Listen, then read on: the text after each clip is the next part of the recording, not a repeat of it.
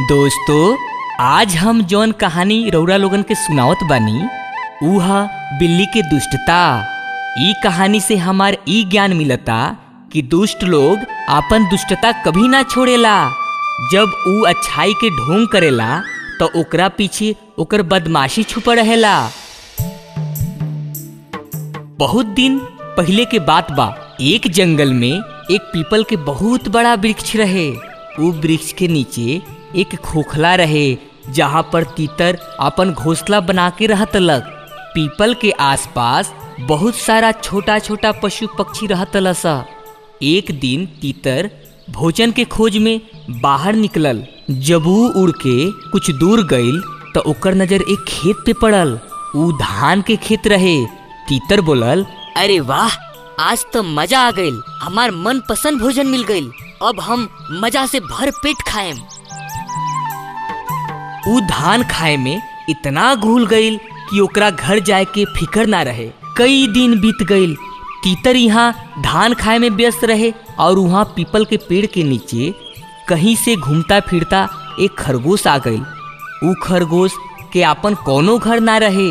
ऊ कितना दिन से आपन घर बनावे खातिर यहाँ उहाँ भटकत रहे, जब खरगोश पीपल के पेड़ के नीचे एक घोसला देखलक तो ऊ सोचलक अरे वाह, काहे ना, एकरा के हम आपन घर बना ले।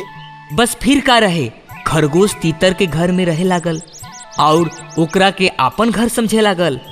छः सात दिन बाद तीतर के जब आपन घर याद आइल तो ऊ वहाँ से धान के खेत छोड़ के अपन घर के तरफ़ पहुँच गई घर पहुँचते ही देखता कि ओकरा घर में खरगोश अड्डा जमा के बैठल बा।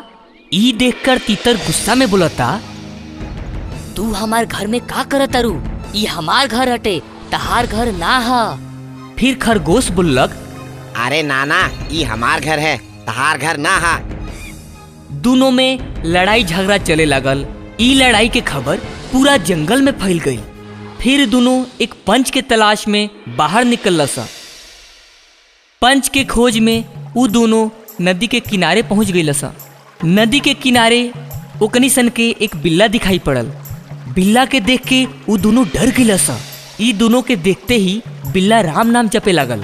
हे राम ई देख के दोनों के लागल कि अरे ई त महात्मा हवन इहे हमनी सन के अच्छा फैसला सुना सकतरन हमनी सन के इनकरा पास चले के चाही। ई सोच के दोनों जन बिल्ला के पास गई लोग और अपन बात रखल लोग। ई सुन के बिल्ला बोलन ए भाई हमरा कनी कम सुनाई देता।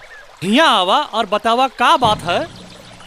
जैसे ही ऊ दोनों बिल्ला के पास गई लोग, तभी बिल्ला ऊ दोनों पे झपटलक और देखते ही देखते ऊ दोनों के खा गई। ई कहानी से हमार ई ज्ञान मिलता कि दुष्ट लोग अपन दुष्टता कभी ना छोड़ेला। जब ऊ अच्छाई के ढोंग करेला तो ओकरा पीछे ओकर बदमाशी छुपा रहेला।